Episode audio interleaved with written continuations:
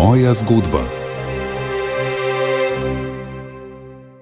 Dober večer, drage poslušalke in dragi poslušalci. Spremljate oddajo Moja zgodba in pred nami je nova oddaja o slovenskih mučencih, žrtvah totalitarizma v 20. stoletja. Danes je z nami zgodovinarka v postopku za mučence 20. stoletja, žrtve komunizma, dr. Tamara Griser Pečar, ki se predvsem ukvarja z iskanjem podatkov za mučenca Ivana Salmiča. Najprej lep pozdrav in dober večer. Dober večer.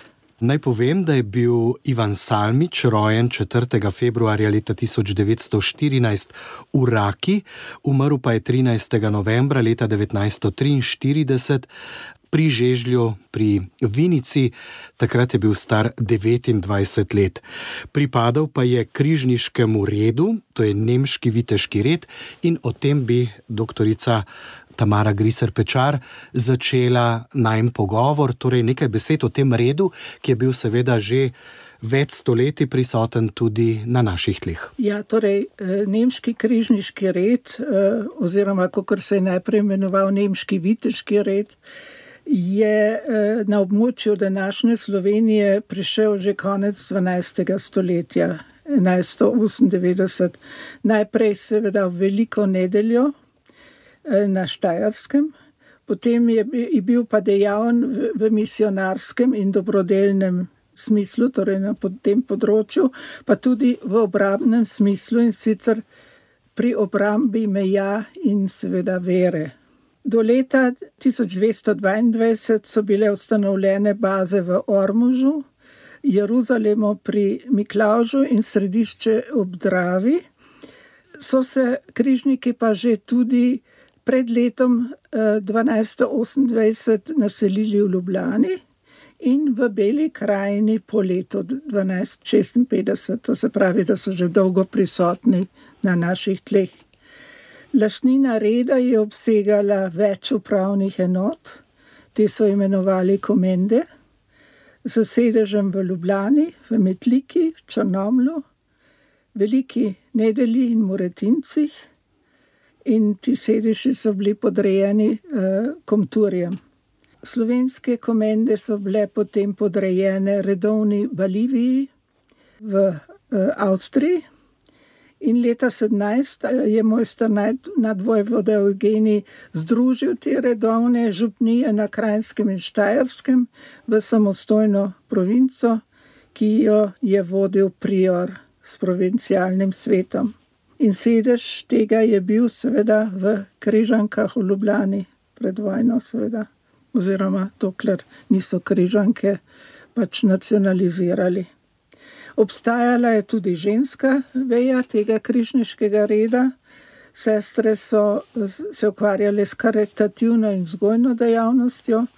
Mal pred 1900, torej 1899, pravzaprav je bila v Ormožu ustanovljena redovna bolnišnica. In ko je kraljevina SAS oziroma Jugoslavija nameravala bolnico podržaviti, je križniški red ustanovil potem samostojno sestrsko provinco s sedežem v Ormožu.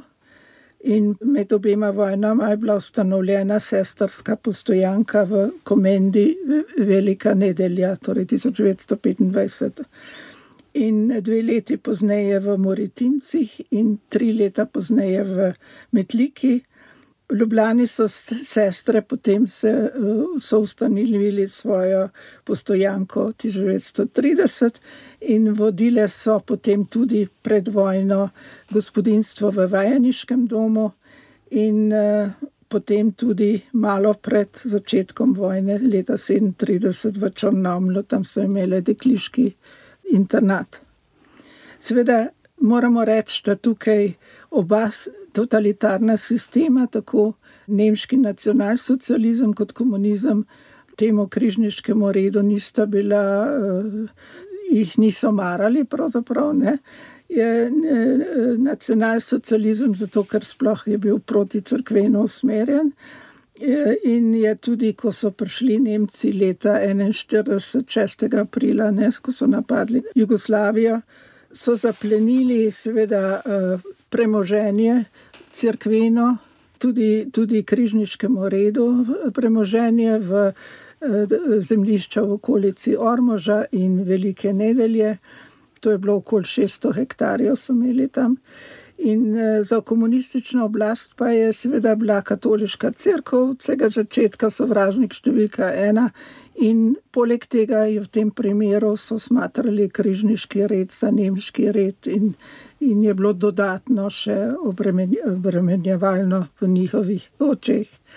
Križniški red je bil torej pod dvojnim udarom. Ne? nova komunistična oblast križniškemu redu zato potem tudi po vojni ni vrnila uh, zaplenjenega premoženja na Štajerskem. Potem pa je bila 49. leta dodatno zaplenjena vsa nepremičnina reda, tudi križanke, ki je bil že vse od leta 1917 seveda sedež križniške province. In uh, na okrožnem sodišču v Ljubljani je bil prior Pater Valerijan Vučak eh, obsojen na tri leta odzema prostosti s prisilnim delom in na dve leti izgube državljanskih pravic. O tem sem jaz ta proces sem obdelala v knjigi Cerkev na zatožni klopi. In uh, hkrati so pa tudi zaplenili celotno premoženje križniškega reda slovenske province. Zanimivo je, da obstaja tu tudi še eno odločba Ukrajnega sodišča za glavno mesto Ljubljano, ki je um, dodatno še odzela premoženje. Torej imamo kar dve sodbi v tem primeru. On patra učaka so ja izredno poneževali, zlomil se je kolk v zaporu. Odpeljali so ga pa v bolnišnico in pol celo v umobolnico. Ne. To je bilo tudi ena taka, ni bil edini, ki so ga odpeljali v polje. Ne. In tam je za posledicami zapora tudi 19. septembra 1949 uh, umrl.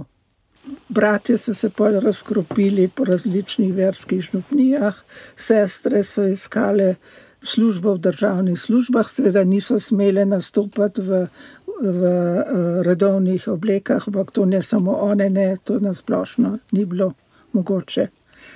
In uh, zdaj, potem po vojni, leta 61, so križniki v Ljubljani kupili potem hišo v Šiški, ne, Šišenška 30, ki je zdaj uradni sedež križniškega reda. In uh, imamo križniške župnije v Sloveniji, na Štajerskem in v Beli krajini, In sestre so pa leta 1970 kupile v Ljutomeru hišo, kjer lahko, so lahko živele. Mislim, da bi bilo treba povedati, če tudi, da je imel križniški red na slovenskem še pred drugo svetovno vojno pet hiš, v katerih je delovalo 24 članov po vojni, pa so bile le še štiri s 19 člani. Novicijat je bil v Ljubljani, to je tudi pomembno, ker je Pater Salmič tudi stopil v križniški red. Eh, leta 1939 eh, so takrat sprejeli še dva novinca, po vojni pa nikogar več. Pred vojno je imel križniški red tudi dijaški zavod, v katerem je živelo 20 srednješolcev, eh, dom za onemogle umetliki in izvenšolsko varstvo v Črnomlu. Poleg tega pa so upravljali, kot sem že tudi rekla, vajeniški dom. No, morda je treba povedati le še to, ne, da zgodba s križankami še vedno ni ja. zaključena in da v postopku križniškega reda proti mestu Ljubljani oziroma državi Sloveniji še vedno ni dokončne odločitve, kar seveda 30 let po slovenski osamosvojitvi tudi veliko pove o našem sodstvu in tako naprej.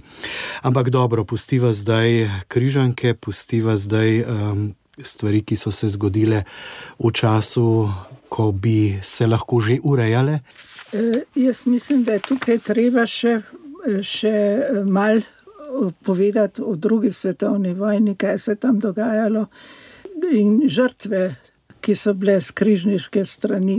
Namreč eh, med drugo svetovno vojno so postali duhovniki žrtve okupacijskih sil in komunistov, ki so potem sprožili državljansko vojno.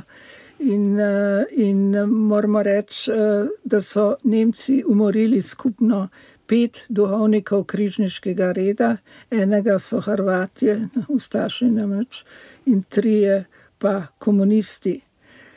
Še pred prevzemom civilne uprave v Mareboru so pripadniki kulturbunda začeli delati sezname za aretacije prvih duhovnikov, in takoj 15. aprila so sledile aretacije. Prva žrtev križniškega reda med drugo svetovno vojno je bil kočevski Nemec Gido Križ, ki je živel v psihiatrični bolnici Novo Celje. Od tam so 583 žrtev iz različnih zavetišč na spodnjem Štajerskem Nemci poslali v smrt. Mislim, da je ta beseda eutanazija trenutno v Sloveniji tudi zelo aktualna. Ne?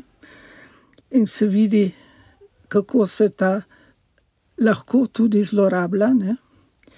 Torej, 12 od teh 583 žrtev so odpeljali iz Novega celja.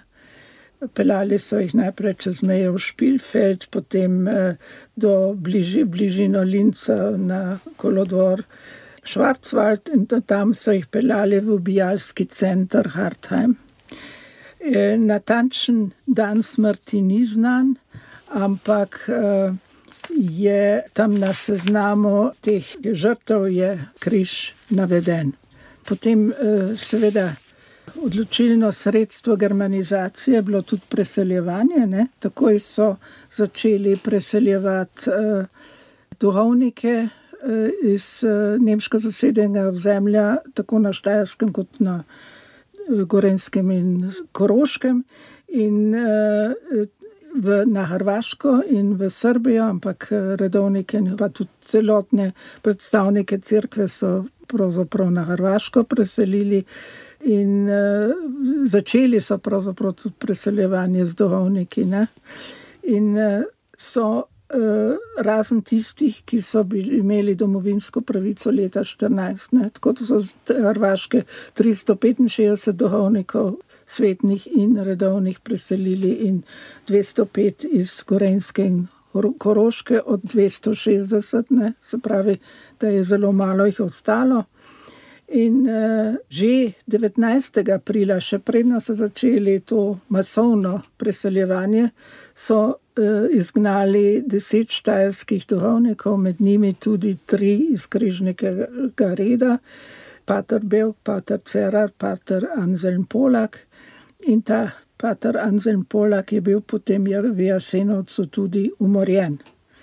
Če gremo potem še predno začnemo z patrom Salmičem, je treba povedati, da so trije duhovniki križniškega reda bili umorjeni strani komunistov med drugo svetovno vojno.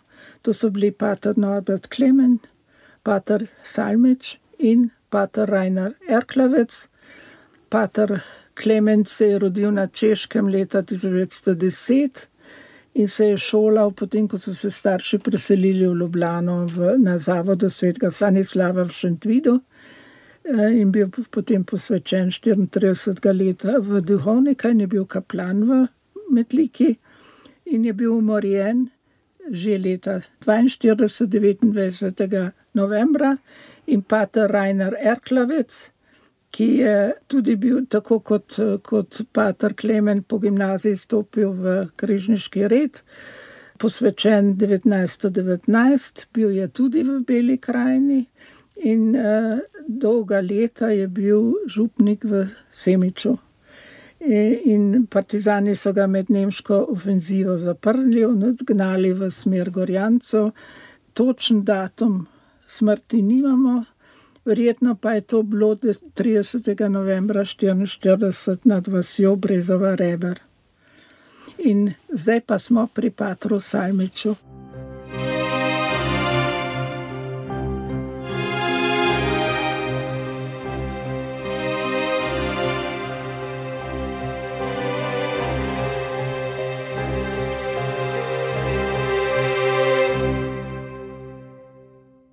Drage poslušalke in dragi poslušalci, spremljate oddajo Moja zgodba. Danes je z nami zgodovinarka dr. Tamara Griser Pečar, ki se v sklopu slovenskih mučencev, žrtev komunizma, ukvarja z iskanjem podatkov za mučenca Ivana Salmiča.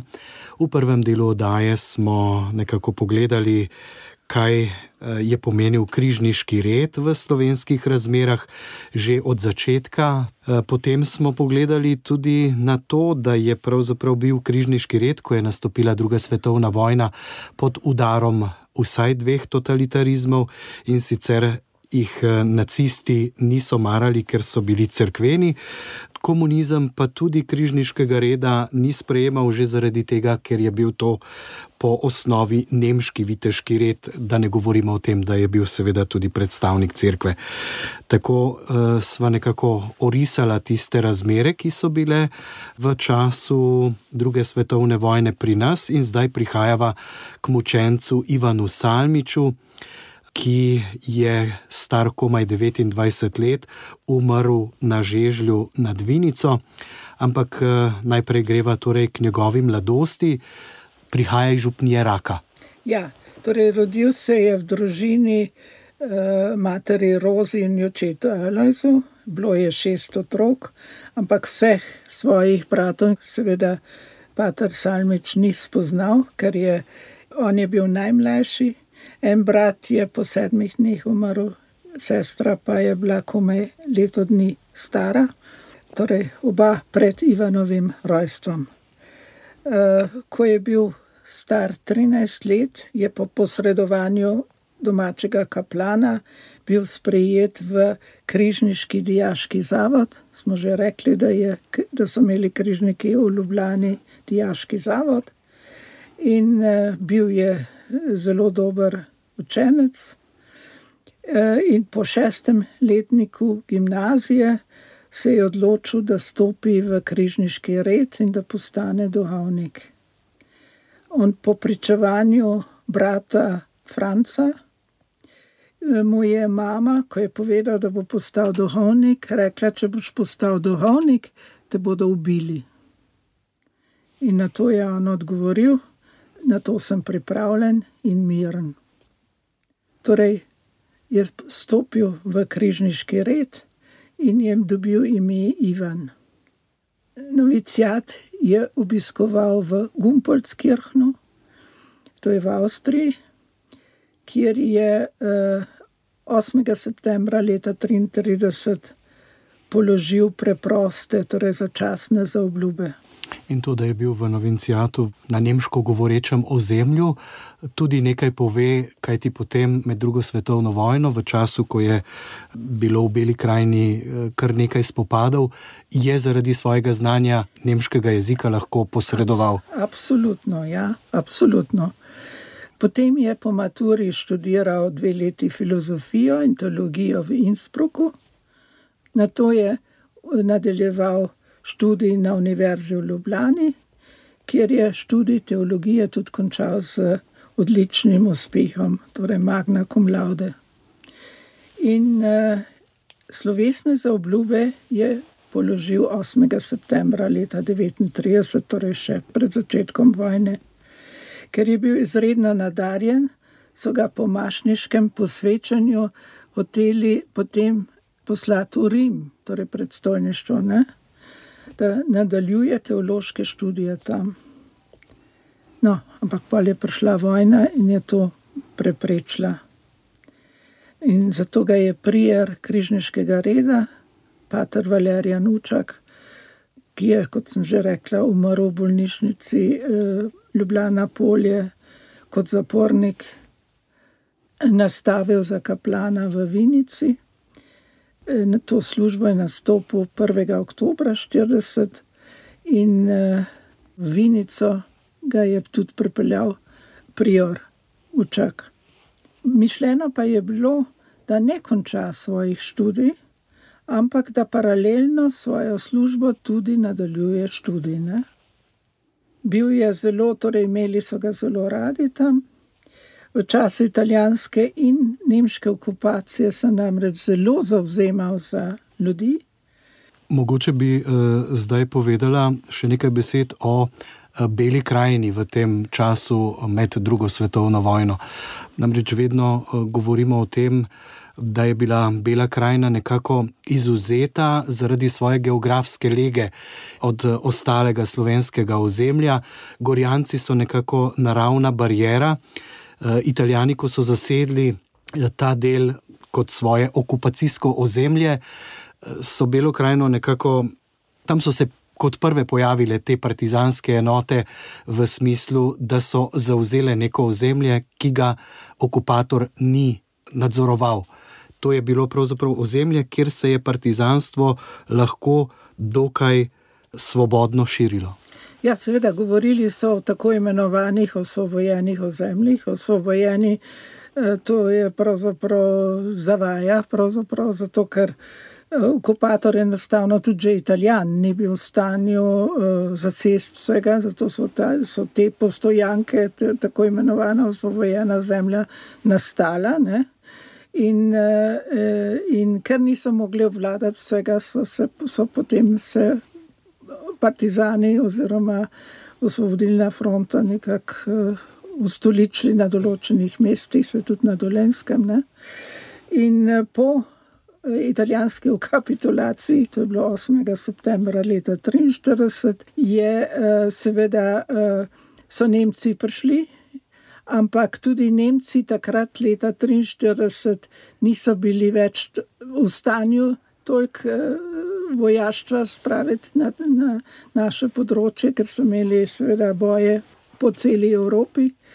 Zato eh, tudi eh, so napadali Belo krajino, ampak je niso zasedli. Ne? Zato je potem tam v Beli krajini nastala to ozemlje, ki so ga obvladovali partizani. Eh, in tam so začeli tudi potem februarja leta 1944 graditi tako imenovano novo državo. Ne? Tudi takrat so ustanovili versko komisijo ki je bila eden od orodij, poleg udbe, eh, nasilja proti eh, slovenski cerkvi. Ne. Sicer so vedno znova Nemci prihajali in so napadli to zemljo, ampak niso, niso pa ga vladovali. Ne. So vedno znova tudi ja. odšli. Namreč to eh, sem hotel povedati zaradi tega, ker je Pater Salmič večkrat posredoval za ljudi, na tem območju, ko so okupatori eh, recimo, prišli, naredili neko hajko in tako naprej. Tako je zabeleženo, da je avgusta 42 posredoval, pa julija 43 ja. v Črnomlju preprečil in tako naprej. Skratka, zauzemal se je za ljudi tudi zaradi tega svojega znanja jezika, torej, da si je, je lahko prizadeval za njih. Je lahko se prizadeval za njih. Ko so uh, italijani uh, začetek avgusta začeli pobirati iskati može in fante, da jih pošljajo v internacijo. Uh, nekatere so pobrali kar z polja in se niso imeli sploh ne možnosti preobleči. Je, so bili tisti, za katere je Pater Salmeč interveniral, izpuščeni. Ne?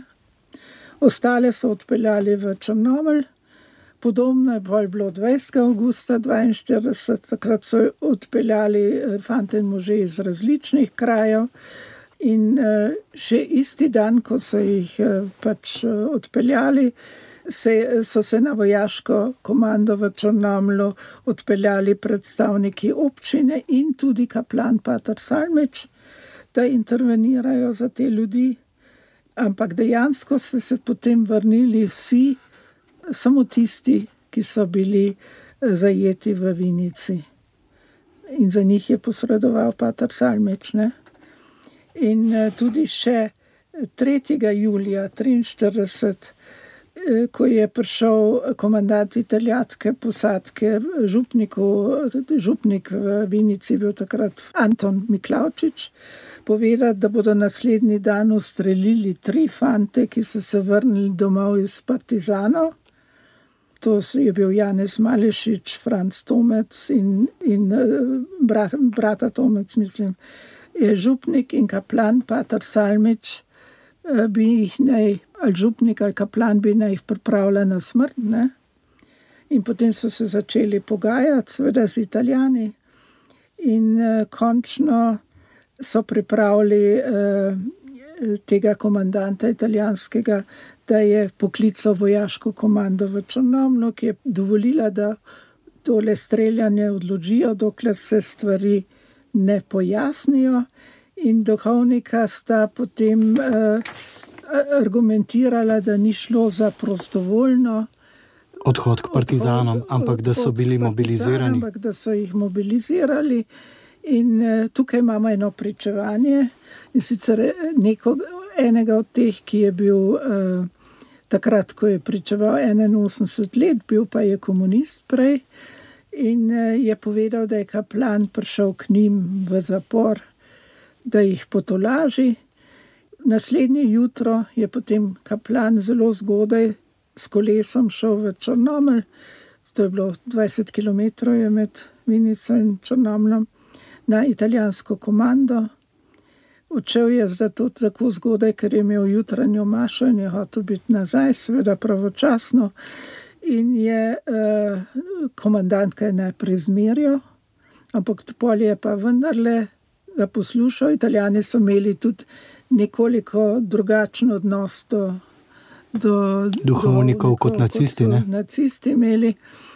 In je prepričal tega komandanta, da fanti niso šli prostovoljno k partizanom, zato je povelje za usmrtitev odpovedal. Morali pa so ostati v zaporu do kapitulacije It Italije, ne? ampak so ostali pri življenju. Uh -huh. e, to je bila zdaj pa italijanska, pa so italijani 8. septembra kapitulirali, so prišli Nemci, zasedli Belo krajino najprej, se, se je tudi zavzemal za prebivalstvo. Rekla sem že, da Nemci pa niso imeli posebnega interesa, da bi Belo krajino držali, zato, zato e, so se potem tam partizani seveda lahko ustoličili. Pater Salmeč je znal zelo dobro nemško. In ko so uh, 23. oktober 1943 Nemci odvedli v Vinici spet može in fante in so jih postavili na trgu v, v vrsto, uh, da jih pač ustrelijo, uh, je Pater Salmeč posredoval in so ga dejansko izpustili. Takrat je rešil osem ljudi kar nekaj mož se je potem pridružilo iz Vinice slovenskemu domobranstvu, kar so potem seveda tudi Patru Salmiču učitali komunisti, da je odgovoren za to.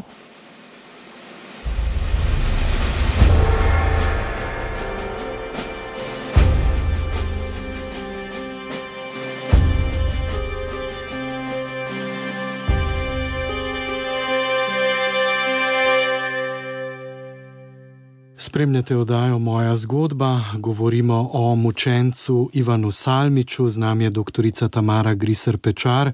V zadnjem delu pogovora smo torej pokazali, kakšna je bila njegova življenjska zgodba do leta 1943.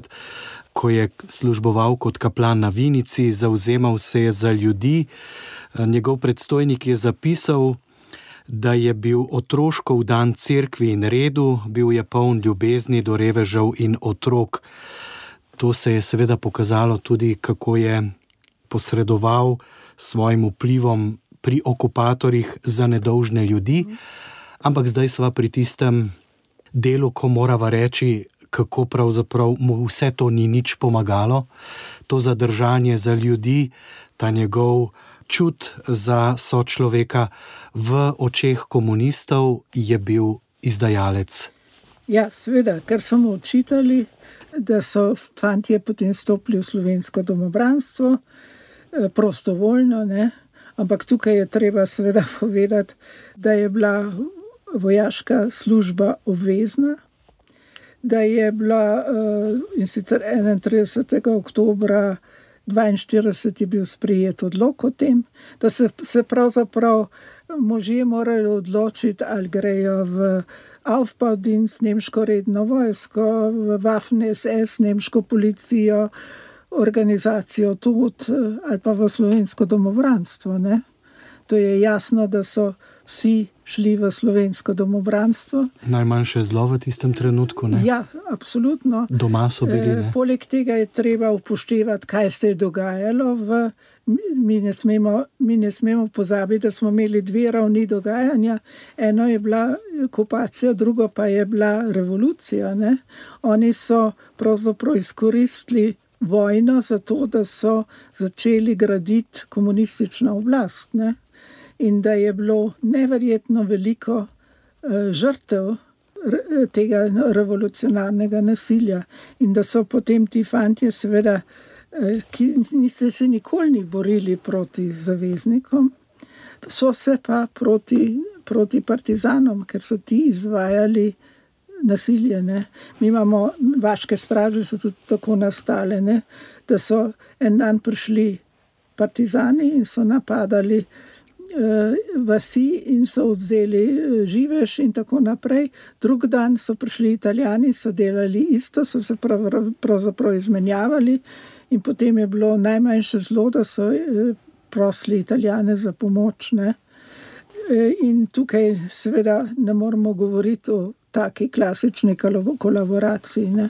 Pa tudi težko bi recimo v primeru Patra Ivana Salmiča, zdaj njega obtožili, da je on tisti, ki je te fante uh, rešil, zato da bodo šli k domobrancem. Seveda, se, se pravim, oni so morali se odločiti za njega. Nimamo prav nobenih podatkov o tem, da bi on kakorkoli vplival na to, da so se tako odločili, ampak je popolnoma jasno, da so se. Ne? No, ampak kakorkoli že, kot rečeno, 13. novembra so ga partizani pod vodstvom Vese Koga, ne, Vese tudi, ki je bil doma, sinjega vrha, to je zraven Vinice, ne, so prišli po. Ja. Torej, najprej so imeli kosilo, in potem je šel uh, Pater ven in je med crkvijo in župniščem molil brevir. In uh, naenkrat ob dveh popovdne se pojavi župnikov nečak. In uh, je rekel, da so videli, da je plan šel s partizani na Žeželj in je zanimalo ga je zakaj. Sveda ni šel prostovoljno, prijeli so ga in ga odpeljali, ne da bi kdo v župnišču to sploh opazil. Videla je to neka ženska, ki je takrat potem župnikovega nečaka opazila, videli so tudi še nekateri drugi. Eh, župnik je najprej mislil, da je šel s partizani v crkvo, Eh, pa je bilo šti, ura štiri, pa je bila ura pet, in njega še vedno ni bilo nazaj, začelo jih je seveda skrbeti. Potem pa so prišli še istega večera trije partizani s kaplanovim ključem v hišo, v njegove prostore.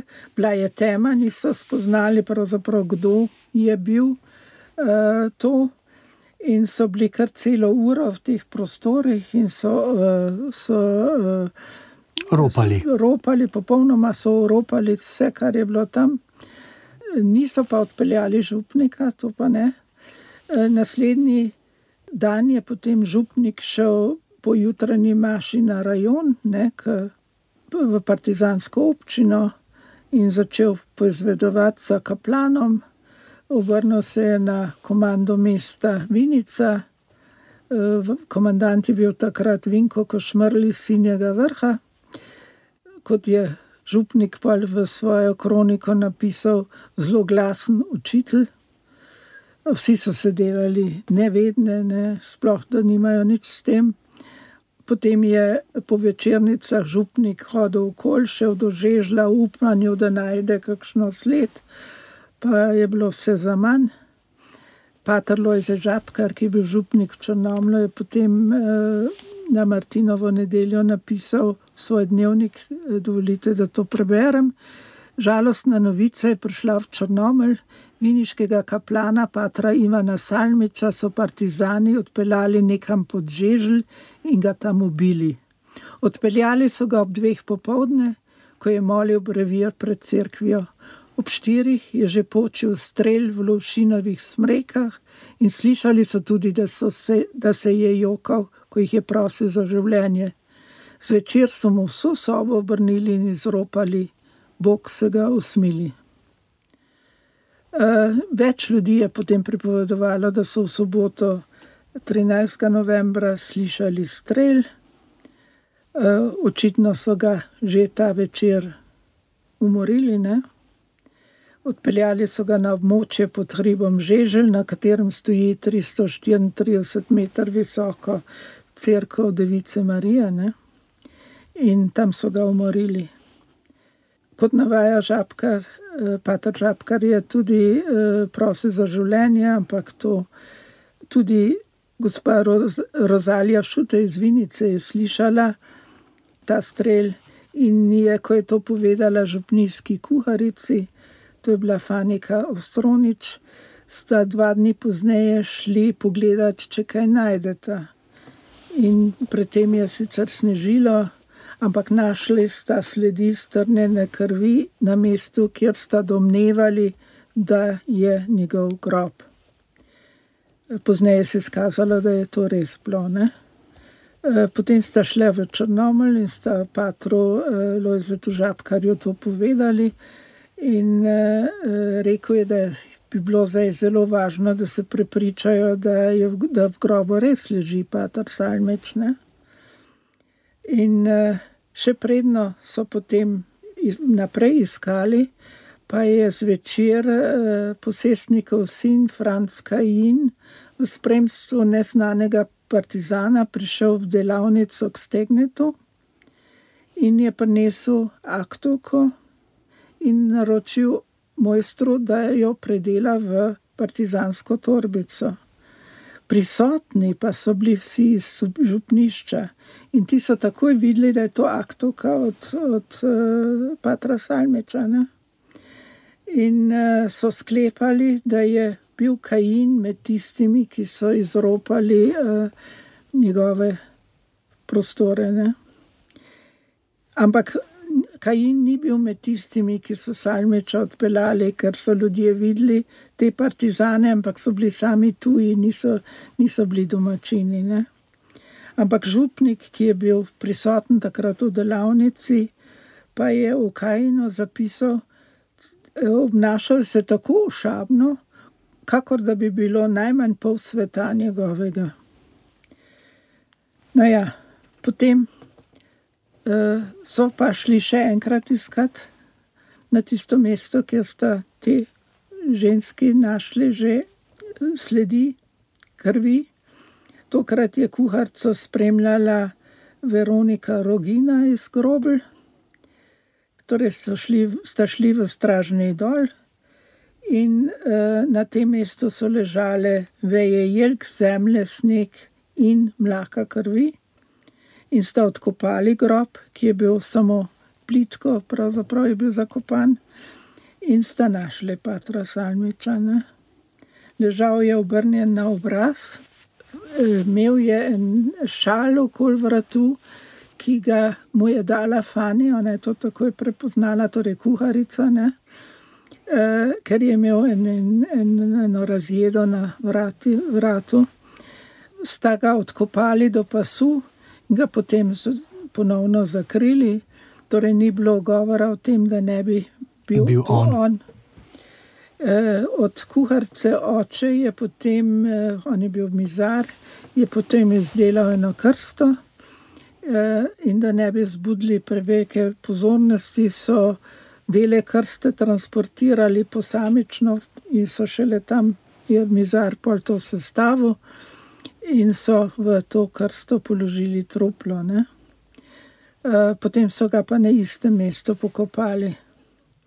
Bilo pa je razvidno iz njegovega trupla, da so ga mučili. Bil je tudi, njegove noge so bile zvezane z, z močno vrvjo. Župnik Miklavčič je v kroniki pol napisal, zakaj so ga ubili. Trdijo, da je partizane izdal Nemcem, toda pregovor pravi, izgovor je dober, če ga pes prinese na repu. Tako bo tudi tukaj. Gotovo se je moral zameriti komu izmed domačinov in tega spravil v smrt.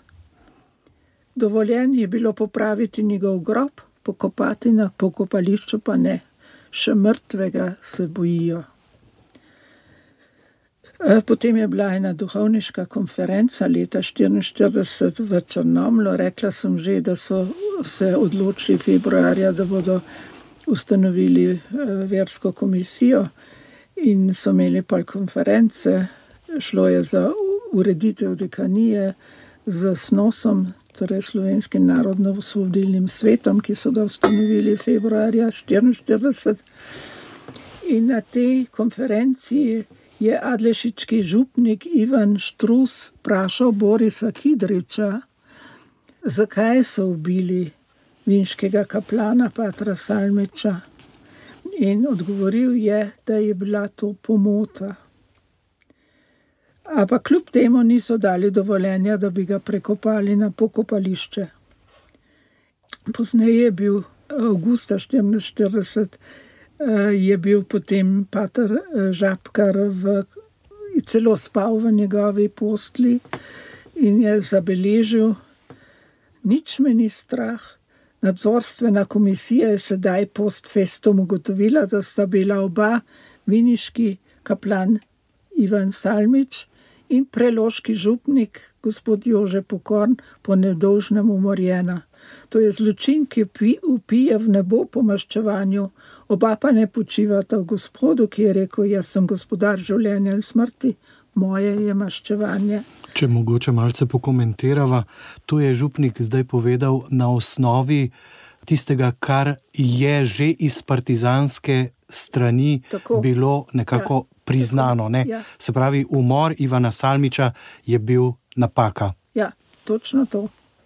Bolj bi človek pričakoval, da to nekako, eh, da se upravičijo, da nekako eh, to javno povedo. Ne? In da ga dovolijo tudi pokopati na pokopališču.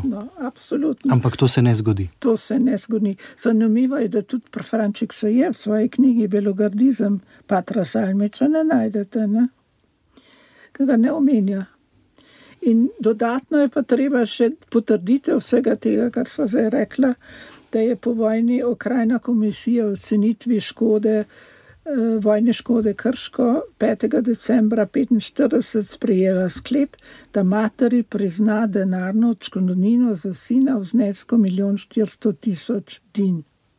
No, ampak zanimivo je pa to, da njegovo truplo pa izgine se pravi, vedo, kje je bil ubit, ampak potem, ko se pa vendarle stvari eh, hočejo popraviti, pa tam trupla ni več. Torej, Patra Salmiča niso prekopali na pokopališču na Vinici, tudi leta 1945, ne, ko so pravzaprav mu dali, dali mami vojno odškodnino, za njegov grob se danes ne ve nič.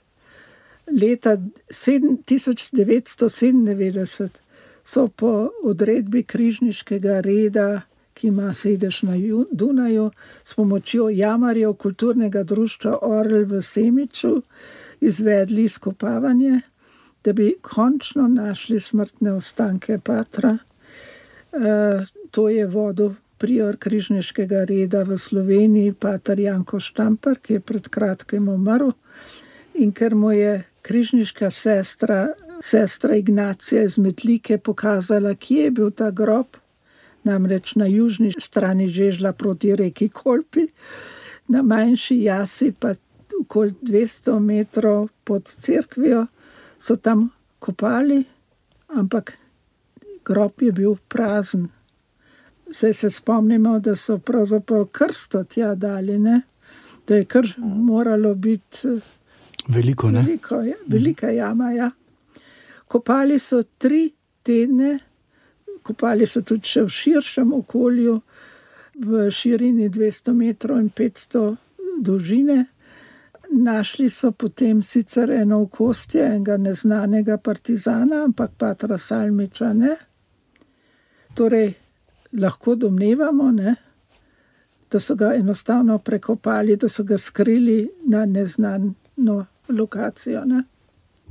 Tako, drage poslušalke in dragi poslušalci, eh, to je bilo, kar se tiče patra Ivana Salmiča.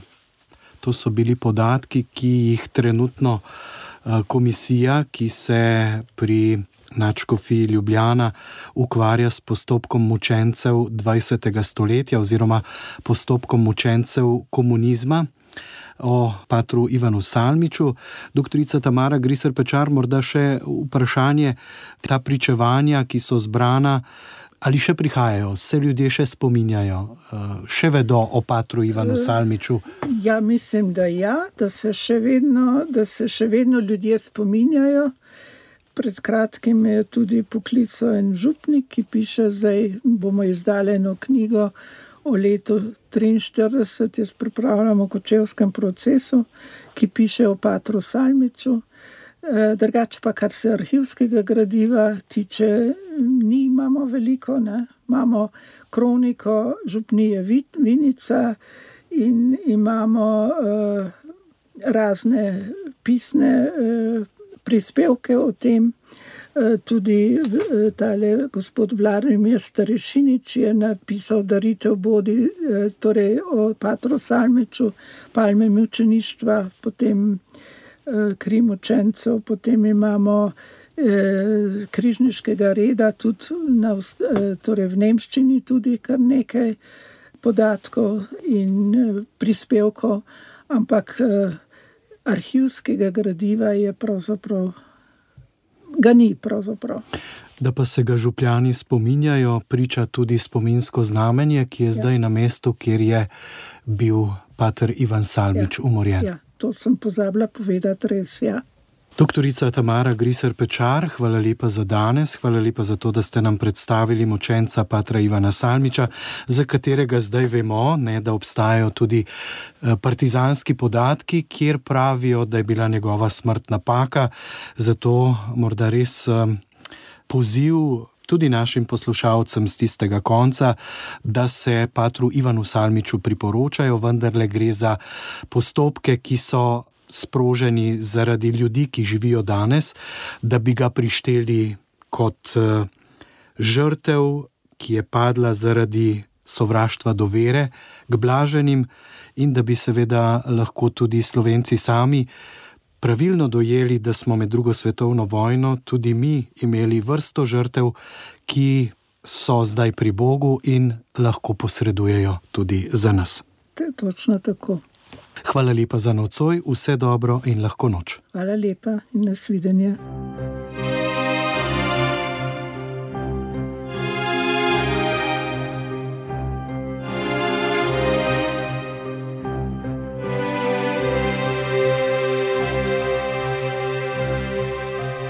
Moja zgodba: Pričevanja o totalitarizmih.